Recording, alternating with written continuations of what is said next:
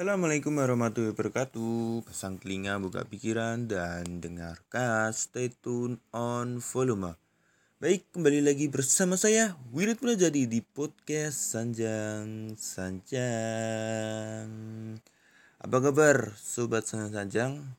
Pasti kalian baik-baik saja kan? Semoga Sobat Sanjang terus diberikan kesehatan oleh Allah Subhanahu wa Ta'ala.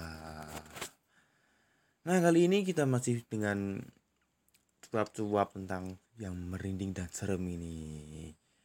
Saya sendiri akan membacakan sebuah kisah ya. Ini kisahnya kamu harus mati. Teluh kamu harus mati. Ini part yang pertama.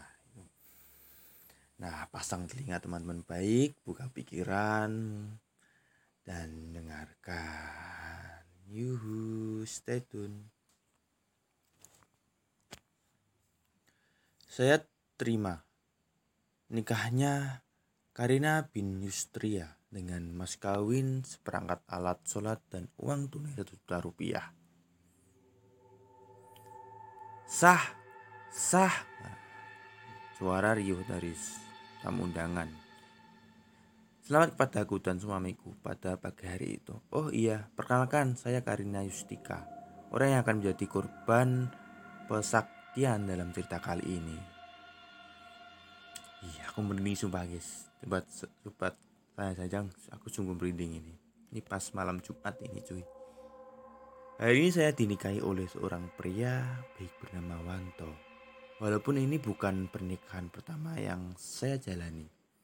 Tapi rasa bahagia lebih bersinar dari hati saya. Bagaimana tidak?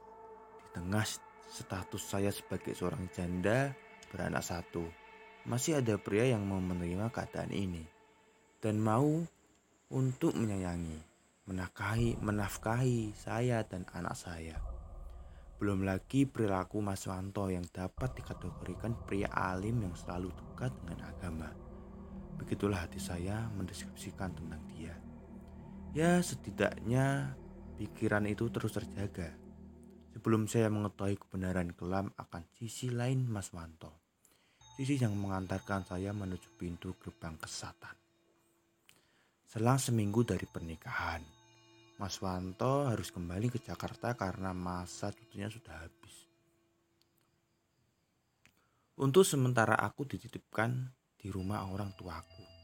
Dia berjanji akan menjemput diriku beserta putri sematawayangku Lena di akhir bulan nanti.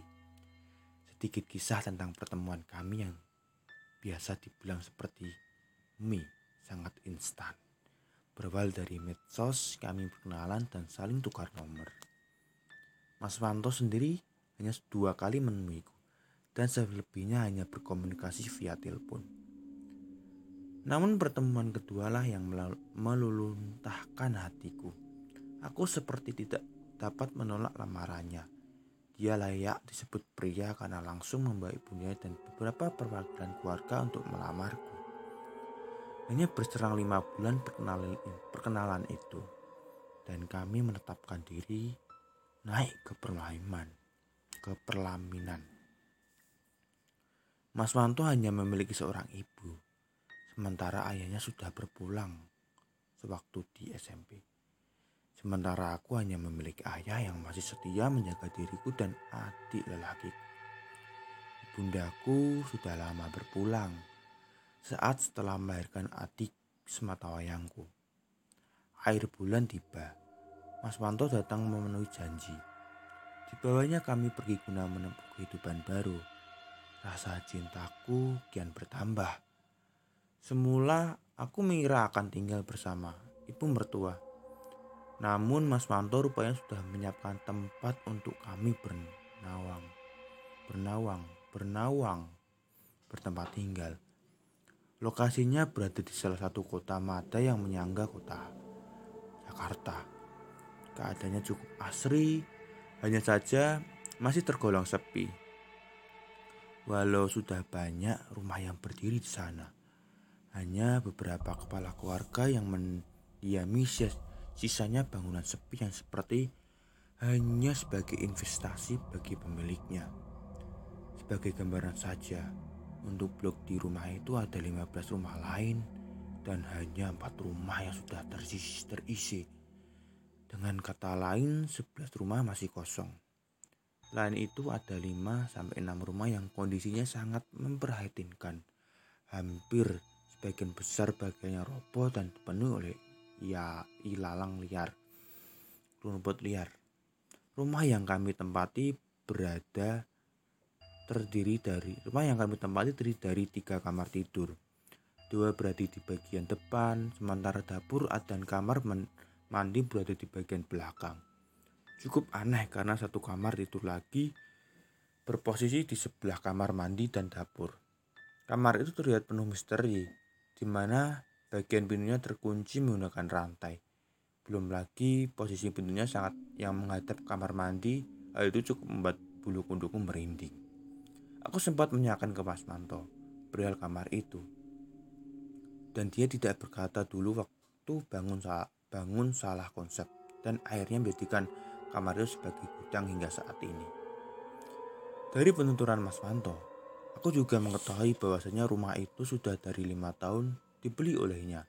Dan lebih konyol lagi Mas Manto malah menggodaku dengan menceritakan kisah horor yang sering terjadi di daerah itu. Aku sampai kesal melihat tawa Mas Manto yang senang akan rasa takutku. Dia puas tertawa melihat betapa penakutnya diriku. Kehidupan kami berjalan mesra. Selayaknya kehidupan pengantin baru yang lagi hangat-hangatnya. Mas Wanto juga memperlakukan Lena seperti anak kandungnya sendiri. Hingga tiga bulan berlalu, bersamaan dengan hujan deras yang turun membasahi daratan di senja yang mulai menyapa. Jam sudah menunjukkan pukul 6 sore, namun Mas Wanto belum tiba di rumah. Seperti biasa, kuhabiskan aktivitas sebagian ibu rumah tangga lazimnya. Selang aku menunjukkan Lena di kamar, treng, treng, ada suara. Terdengar bunyi benturan benda besi dari arah depan. Mas Wanto pulang pakir. Mas Wanto pulang, pikirku saat itu. Bergegas ku ambilkan payung dan kunci gerbang mengingat hujan yang masih turun dengan derasnya.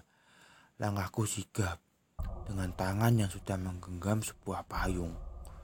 Buka pintu depan, untuk aku berteriak, Hei, siapa kamu?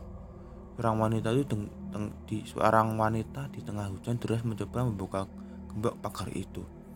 Untuk dia menghentikan aktivitasnya dan mentap sinis ke arahku. Takut wanita itu berniat jahat atau mungkin dia tidak tidak sendiri. Aku langsung berteriak, "Tolong! Tolong!" Wanita itu gugup Ring dengan teriakan minta tolong yang terus aku lakukan. Tetapannya menoleh ke berbagai arah, seolah memastikan tidak ada yang memergoki aksinya saat itu. Samar terdengar ucapannya di tengah suara hujan yang masih menambah horor suasana. Awas lo, bangsat, katanya sambil berlari pergi meninggalkanku. Darah seakan turun melepaskan seluruh sendi tubuh. Dan berdasar aku merintihkan air mata Pikiranku buyar, kosong, hanyut dan dalam rasa takut akan peristiwa yang baru saja terjadi. Saat itu aku tidak tahu harus berbuat apa. Selain hanya berjaga di depan pintu sambil berharap wanita jalan itu tidak kembali lagi dan Mas Wanto segera pulang ke rumah. Lama aku menanti. Mas Wanto tak kunjung kembali. Konsentrasiku terpecah kala terdengar panggilan memanggil. Panggilan itu seperti menangis. Bersambung. Nah, sobat sanjang-sanjang itu adalah sedikit cerita ya hmm, dari part pertama teluh kamu harus mati. Itu itu alat adalah part pertama tunggu saja itu tadi atau yang mau manggil-manggil itu siapa terus ikuti podcast saya di sanjang-sanjang Spotify Ancor dan matur suwun sudah mendengarkan sudah menyimak dan sudah bergabung Mari kita merinding bersama. Saya Wid Pejadi undur diri. Wassalamualaikum warahmatullahi wabarakatuh.